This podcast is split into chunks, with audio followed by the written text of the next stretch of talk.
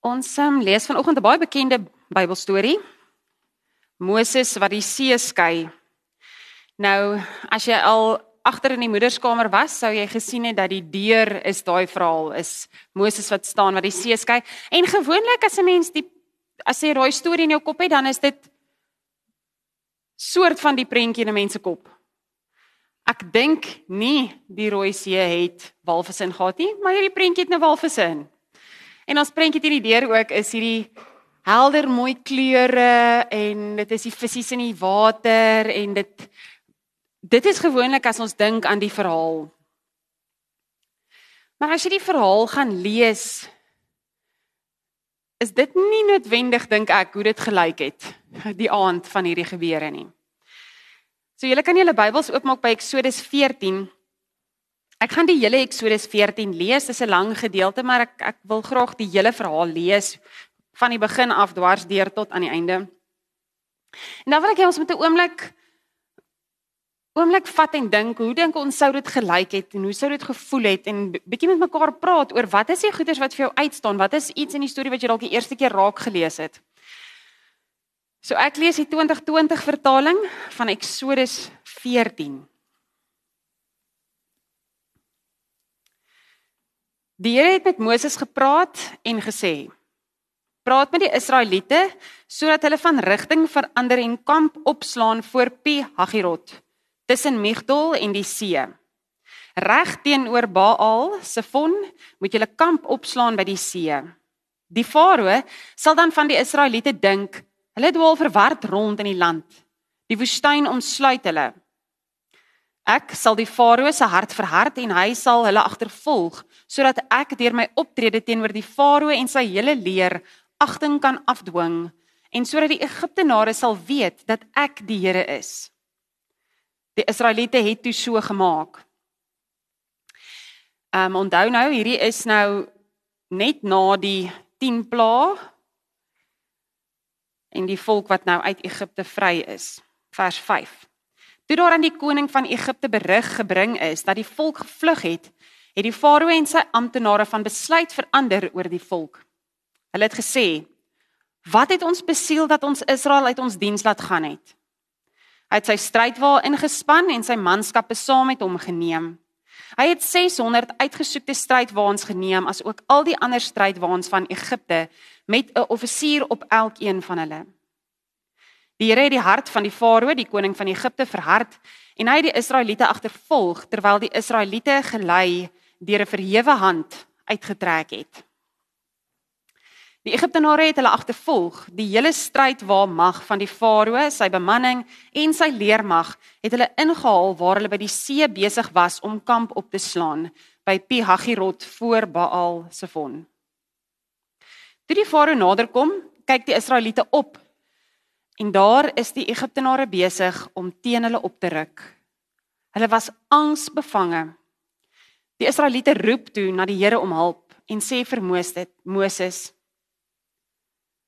Is dit omdat daar geen grafte in Egipte is nie dat jy ons saamgeneem het om in die woestyn te sterf? Wat het jy ons aangedoen deur ons uit Egipte uit te lei? Is dit nie presies waaroor ons met jou in Egipte gepraat het toe ons gesê het dat ons met rus sodat ons vir die Egiptenare kan werk? Dit is immers vir ons beter om vir die Egiptenare te werk as om in die woestyn te sterf. Maar Moses het vir die volk gesê: Moenie bang wees nie. Staan stil en aanskou die verlossing van die Here wat hy vandag vir julle gaan bewerk. Want die Egiptenare wat julle vandag sien, sal julle nooit weer sien nie. Die Here self sal vir julle veg. Julle moet net stil bly. Die Here het vir Moses gesê: "Wat roep jy na my? Praat met die Israeliete sodat hulle verder trek. En jy, lig jou staf op, strek jou hand uit oor die see en kloof dit oop sodat die Israeliete op droë grond in die middel van die see kan ingaan." En wat my betref, kyk, ek gaan die hart van die Egiptenare verhard sodat hulle agter hulle ingaan. Dan sal ek agting afdwing deur my optrede teenoor die Farao en sy hele leer, sy strydwaans en sy bemanning. Die Egiptenare sal weet dat ek die Here is wanneer ek agting afdwing deur my optrede teenoor die farao, sy strydwaans en bemanning. Vers 19. Die engel van God wat die hele tyd voor die leer van Israel uitgetrek het, het toe agter hulle in beweeg. Die wolkkolom het ook van voor hulle weggeskuif en agter hulle plek ingeneem. Dit het tussen die leer van die Egiptenare en die leer van Israel ingeskuif. Die wolk het daar gebly en toe dit donker word, het dit die nag verlig. Maar die hele nag lank het nie het die een nie nader aan die ander beweeg nie. Moses het sy hand oor die see uitgestrek en die Here het met 'n sterk oostewind wat die hele nag lank gewaai het, die see laat terugtrek. Hy het die see droë grond gemaak, die water is oopgekloof. Die Israeliete het op droë grond in die middel van die see ingegaan terwyl die water vir hulle 'n muur aan hulle linker en regterkant was. Die Egiptenare het hulle agtervolg en al die perde van die farao, sy strydwaans en bemanning, het agter hulle ingegaan na die middel van die see. Teen die laaste nagwaak het die Here uit die vuurkolom en die wolk afgekyk en die leer van na die leer van Egipte. Toe het hy verwarring veroorsaak in die leer van die Egiptenare. Hy het die wiele van hulle strydwaans laat vasval sodat hulle met moeite vorentoe kon beweeg. Toe sê die Egiptenare: Ons moet van Israel af wegvlug want die Here self veg teen vir hulle teen Egipte. Die Here het vir Moses gesê: "Strek jou hand uit oor die see sodat die water terugstroom oor die Egiptenare, oor hulle strydwaans en die bemanning." Moses het sy hand uitgestrek oor die see en die see het teen die oggend na sy gewone plek teruggestroom. Die Egiptenare het gevlug vir die naderende water, maar die Here het die Egiptenare in die middel van die see gewerp. Toe die water terugstroom, het dit die strydwaans en die bemanning van die farao se hele leer wat agter die Israeliete in die see ingegaan het, verswelg. Nie eers een van hulle het oorgebly nie. Die Israeliete het deur die middel van die see op droë grond getrek terwyl die water vir hulle 'n muur was aan hulle linker en regterkant. Die Here het Israel op daardie dag uit die hand van die Egiptenare verlos. Israel het die Egiptenare dood sien lê aan die kant van die see. Toe Israel hierdie magtige daad sien wat die Here teen Egipte gedoen het, het die volk vir die Here ontzag gehad en hulle vertroue in die Here en in sy dienskneg Moses gestel.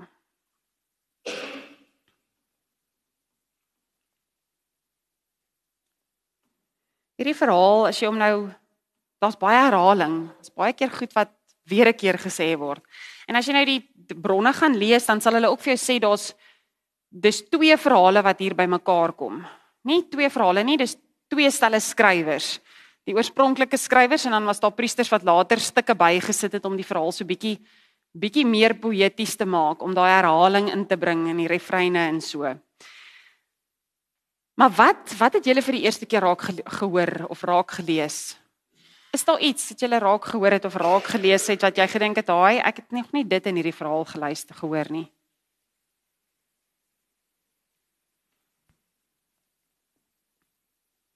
Het julle nie so mooi geluister nie? Ken julle die storie so goed? Nek spot. Toe ek en nie Ja, Lita. Ja. Nee. Dis 'n ander mag aan die werk as net. Ja. En toe probeer hulle nog steeds weghardloop. Ja. Dis dit is baie waar. Dit was die Egiptenare, die amptenare het erken dat dit die Here is wat hier teen hulle veg. En en soos ek sê, toe hardloop hulle nog steeds weg. Soos op daai oomblik moet jy net soos okay, wow. Sorry Here, ons is jammer. Liewer terugdraai na die Here toe as van hom af probeer weghardloop. Die die die Jode, die Jode oor die algemeen die volk Israel, hulle sê altyd hulle loop met hulle rug die toekoms in. So hulle kyk baie terug na die verlede om te sien hoe God hulle gered het. Maar in hierdie geval is dit presies dit. Hulle kyk toe terug en sê, "Maar in Egipte het ons ten minste huise gehad en ons het kos gehad. Ja, ons was slawe en ons het onder baie slegte omstandighede gewerk, maar selfs die slawerny was beter as dit wat jy nou vir ons doen." Ehm um, iemand sê hierdie hierdie verhaal is so ehm um, tussen die diepblou see en die duiwel. Aan die een kant was dit die see gewees en aan die ander kant was dit die Egiptenare. So hulle was stak daar en toe lyk dit net vir hulle beter daar waar hulle vandaan gekom het. Dit is baie waar. ek het vir die eerste keer hierdie raak gelees dat dit in die nag gebeur het. Vir een of ander rede, seker maar die kinderbybelprentjies wat 'n mens mislei. Vir een of ander rede het ek net soos gedink dit was hierdie dag wat hulle deurgetrek het. Ja, die wolkkolom was vir was helder geweest, so dit het vir hulle lig gemaak. Maar vir die eerste keer het ek kan jy nou dink Ek kan net imagine as ek nou vat hoe die wind gisteraand gewaai het. Nou sê ek lykies slaap redelik lig. So in die nag geword se wakker en sê, "Wat is dit?" Sê ek, "Nee, my skar is net die wind wat waai." Dan waai hy asblik om, dan waai die garage deur. Was stormagtige wind. En vir hierdie wind om so sterk te wees dat hy die see teruggedryf het. En dis donker. Ja, jy kan sien want dis 'n ding wat lig maak. Ek dink net hierdie moes 'n redelike traumatiese ervaring gewees het vir almal buite nog as jy by die ou einde kom van die chaos van die water wat terugspoel en die Egiptenare se bemanning wat wat doodgaan. Ek dink nie dit is 'n baie mooi prentjie gewees nie. Ek dink dit was baie baie ontstellend. Maar miskien sou ek dalk ook die chaos gesien het en soos hulle gesê het, o mooi, goodness, kan ons net teruggaan tot waar ons was. Daar het dit vir my veiliger gevoel as hierdie storm en hierdie water en al hierdie dood wat hier voor ons gebeur. Want ons weet uit hierdie verhaal uit, wel uit die verhale voor dit ook dat die Israeliete het vir God gevra, "Bevry ons van die Egiptenare." En hulle het hom herhaaldelike kere gevra, "Here, bevry ons van die Egiptenare." En toe doen God dit Maar ek dink nou nogals nie toe hulle vir hom gevra het bevry ons is dit die prentjie wat hulle in gedagte gehad het nie. Ek dink nie dit was die prentjie nie. Want sien, hulle het nou die 10 plaae beleef en toe het die Farao mos gesê gaan net, gaan gaan net asseblief. Want julle maak nou chaos hier met hierdie 10 plaae van julle. En ek dink toe was hulle dalk soos want hulle moes ook die sprinkane en die water en bloed en al hierdie goeters ervaar het. So toe hulle toe nou vry is, dink ek net soos hulle was soos, "Ag, oh, ons is vry. Dankie, ons sien kans vir alles. God het ons vrygemaak. En toe nou nie. Toe moet daar nog iets gebeur voordat hulle vry word. So ek dink nie heeltemal dit is wat hulle wou gehad het nie. Want dit is nie mooi nie. Daar's dood, daar's 'n klomp goed wat hier gebeur wat nie lekker is nie. Maar dit is tog wat hulle nodig gehad het. Dit is wat hulle nodig gehad het nie wat hulle wou gehad het nie, maar hulle het nodig gehad dat God drasties optree. Dat hy hulle op 'n drastiese manier wys dat hulle opnuut kon besef dat God moet hulle toevlug wees. God is die een wat vir hulle die belangrikste moet wees. Hy is die een wat hulle bevryding gaan bring. Hulle bevryding gevra en God het dit vir hulle gegee op 'n manier wat hulle nodig gehad het om hulle te herinner dat God se troue liefde is altyd altyd by hulle. Hy is altyd by hulle. Sy troue liefde is altyd by hulle. Nou kan jy vir sê ja, maar jog, Nadia, hierdie was meer so 'n bietjie 'n magsvertoon van die Here, soos waar ek hoor nie regtig God se liefde nie, ek hoor God se mag. God het so 'n bietjie afgeskou, dit is waar. God het so 'n bietjie gewys, kom ek wys vir julle. Dit is vir my so mooi. Hy sê twee keer: Bly net stil. Bly net stil. Stin watch net. Julle, ek gaan vir julle wys. Ek sal vir julle wys. So dit is so 'n bietjie 'n gewelddadige magsvertoning. 'n Mens sien nie noodwendig die liefde nie, maar uit ervaring uit. En uit die Nuwe Testament en Ou Testament stories uit weet ons dat God se optrede is altyd gewortel in sy liefde. Ook in die grootste storms in my en jou lewe is dit gewortel in God se liefde. God laat nie die slegte goed met ons gebeur nie. Hy ignoreer nie ons gebede nie. God is in die eerste plek lief vir ons En dis vanuit sy liefde wat daar baie keer dinge in ons lewe gebeur wat ons nie noodwendig wil hê nie, maar wat ons op daai stadium nodig het, selfs al sien ons dit nie eers nie. Selfs al dink ons nie so nie.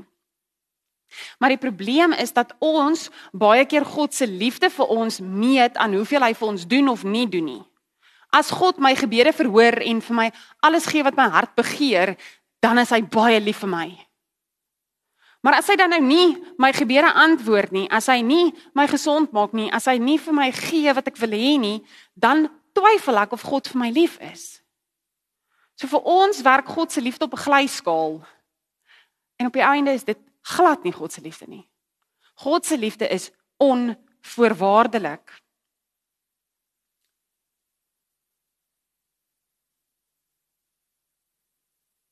Byvoorbeeld, my liefde vir my twee kinders bly dieselfde of hulle doen wat ek vir hulle vra of nie.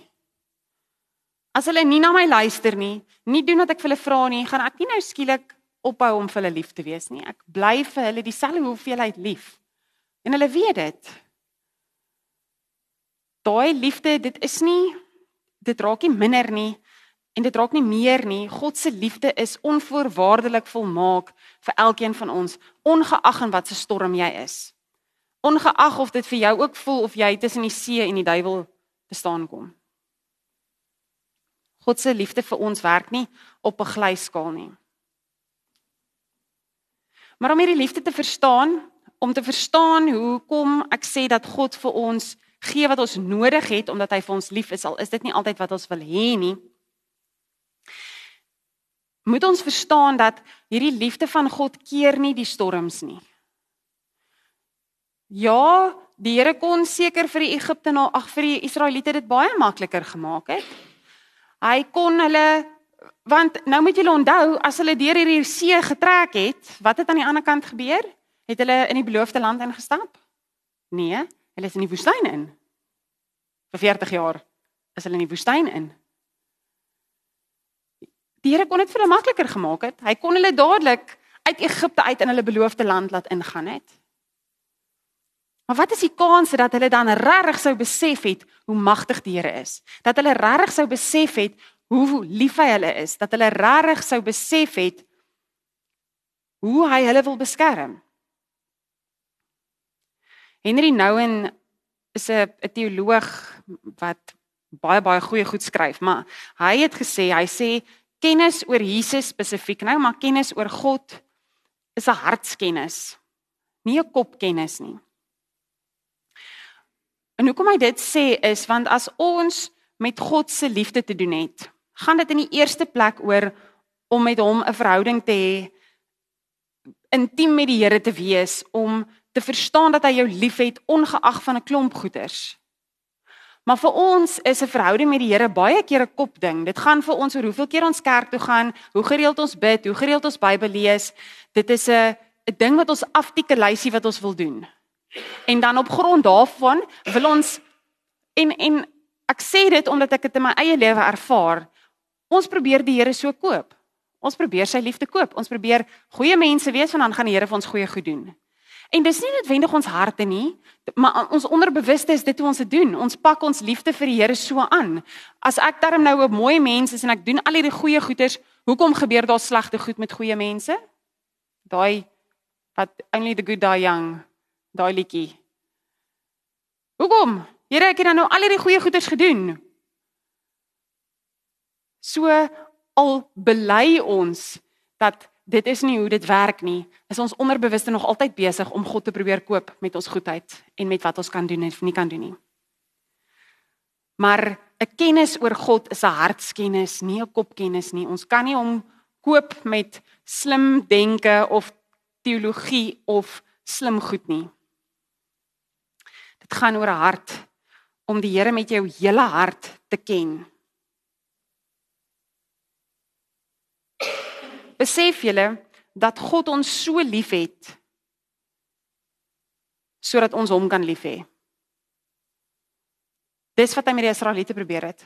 Hy het sy liefde vir hulle gewys sodat hulle geforseer was om weer vir hom lief te word.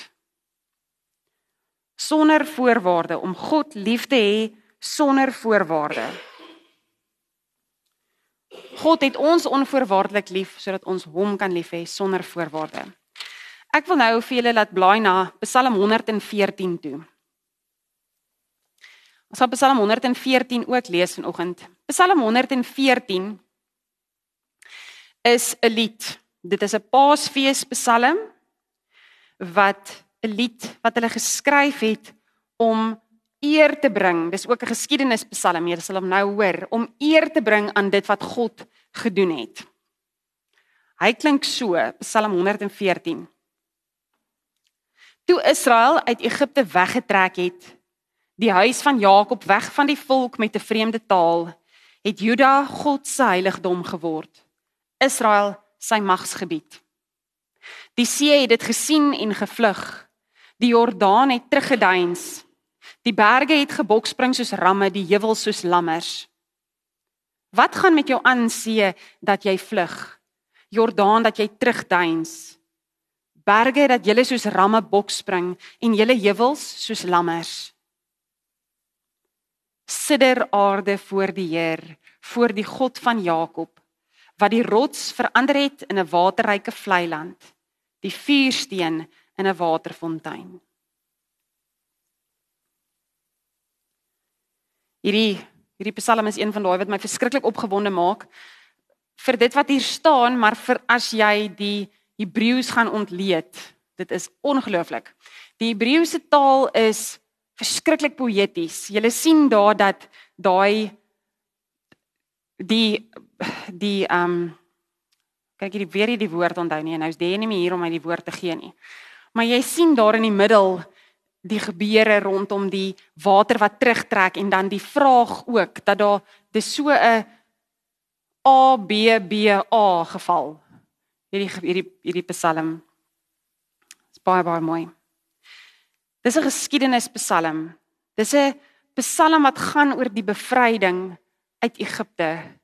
Dis 'n psalm waar die skrywer lof bring aan hoe groot God is en hoe amazing hy is. Maar ek wil julle aandag fokus op vers 2. Toe Israel uit Egipte weggetrek het, het Juda God se heiligdom geword, Israel sy magsgebied. Nou Juda en Israel is wisselterme, dit is dieselfde dieselfde ding, dit gaan oor die volk van God. Maar hoe mooi is dit? Kom ek verduidelik gou-gou vir julle wat hier gebeur. As jy die Hebreëus ontleed, nou vir Hebreëus is dit altyd jou werkwoord sê vir jou iets van jou selfstandige naamwoord. So hulle het geword Juda, God se heiligdom daai hulle het geword in hierdie gedeelte is vroulik. As dit 'n manlike hulle het geword was, sou dit net gewees het die mense of dalk die tempel. Maar die oomblik as dit vroulik is, dan dui dit meer op die bruid van God. Dan gaan dit oor die hele land, die volk, die alles. Alles het God se heiligdom geword. En spesifiek wil ek op die woord heiligdom fokus. En eintlik op die Engelse woord. Die Engelse woord is sanctuary. Sanctuary. Nou die oomblik as ons lees heiligdom of magsgebied, dan hoor ons weer mag en ons hoor dat God die koning is wat mag het oor hierdie goed. Maar dis heiligdom. En toe begin ek dink oor hierdie woord heiligdom, sanctuary. Wat is 'n sanctuary vir my en jou? Wat is 'n heiligdom? Dis 'n plek waar jy veilig voel. Dis 'n plek waar jy die mense vir wie jy baie lief is inlaat. Sanctuary is 'n veilige plek vir jou. 'n Plek waar jy verborgenheid ervaar. En hieso sê God hy het vir Israel vir Juda sy heiligdom gemaak. Ja, hy het dit sy magsgebied ook gemaak. Hy is die koning daarvan, maar in die eerste plek is dit ook sy sanctuary. Die plek waar hy verborge voel.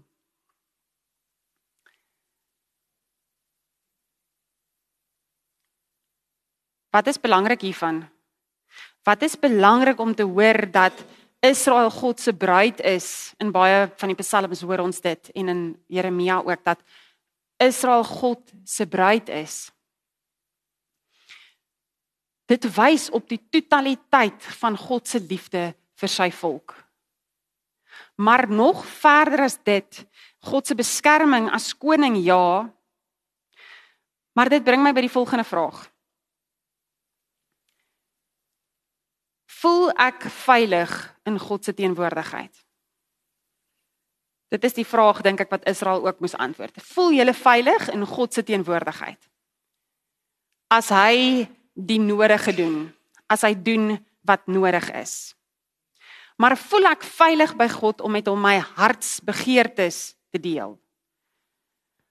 En dan die teenvraag is: Is God veilig by my as ek reageer op dit wat hy vir my doen? as God vir my gee wat nodig is, al is dit nie wat ek wou gehad het nie. Is God dan veilig by my? In die 20 vir 20 vertaling 'n verdere ding oor die Psalm lees ons in vers 2 het Juda God se heiligdom geword. Maar as jy die Hebreëus gaan lees, is God se naam kom eers in vers 7 en vers 8 voor, nog nie in vers 1 en 2 nie. Jy lees nie Jahwe in vers 1 en 2 nie, eers in vers 7 en 8. En die rede daarvoor is dat die die Israeliete, die volk van God het soveel ontzag vir God se naam gehad dat hulle dit net gebruik het wanneer dit regtig nodig was. En dat hulle dit hier wou so bietjie wou terughou, bietjie wou terughou om te sê aan wie behoort dit? Dit behoort aan God om die impak daarvan soveel groter te maak. Maar dit laat my altyd wonder. Nou God het nie vir ons nodig om hom groot te maak of om mag te gee nie, maar is God se naam veilig in my en jou mond? Is sy liefde en sy teenwoordigheid veilig in my en jou lewe?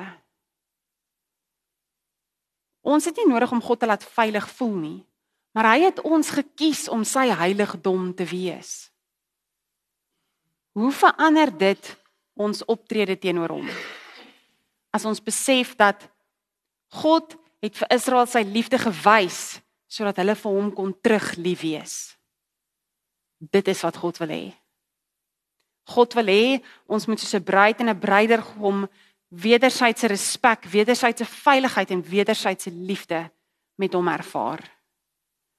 En ons moet vanuit daai verhouding optree. So ek vra weer. Voel jy veilig by God om met hom jou hartsbegeertes te deel? En is God veilig by jou en jou reaksies as hy vir jou gee wat nodig is? Amen. Ek wil vir julle 'n gedig lees of nie 'n gedig nie, 'n gebed lees van Henry Nouwen. Ek gaan hom nou in Engels lees soos wat hy dit self geskryf het en dan gaan ek dit vry vertaal na Afrikaans toe ook. So sit net so dan bid ons saam.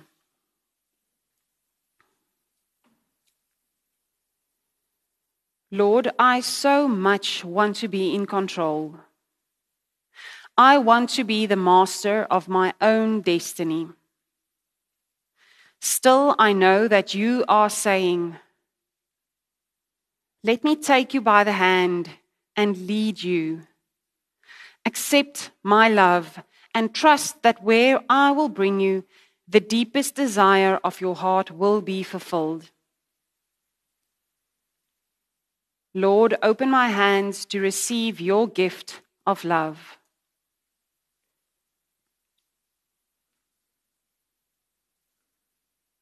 Here ons wil so graag in beheer wees. Ons wil so graag bepaal waarheen ons gaan en waar ons eindig. En Here dan gebeur dit nie altyd soos wat ons wil hê nie. Want U gee vir ons wat ons nodig het. U gee nie altyd wat ons wil hê nie. En dan Here wil ek saam met Henry nou instem dat ons ons weet dat U eintlik net altyd vir ons sê, maar vat my hand, stap saam met my. Laat my toe om jou te lei. Aanvaar my liefde. Vertrou, Here, ons moet vertrou dat daar waar U ons lei, daar waar U ons bring, al is dit tussen die diep blou see en die duiwel, al is dit op 'n slegte plek, dat daar waar U ons lei, ons diepste hartsbegeertes vervul sal word.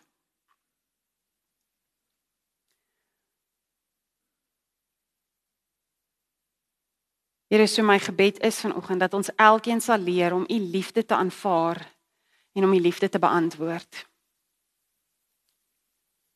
En om te aanvaar dat u vir ons die nodige gee. Amen.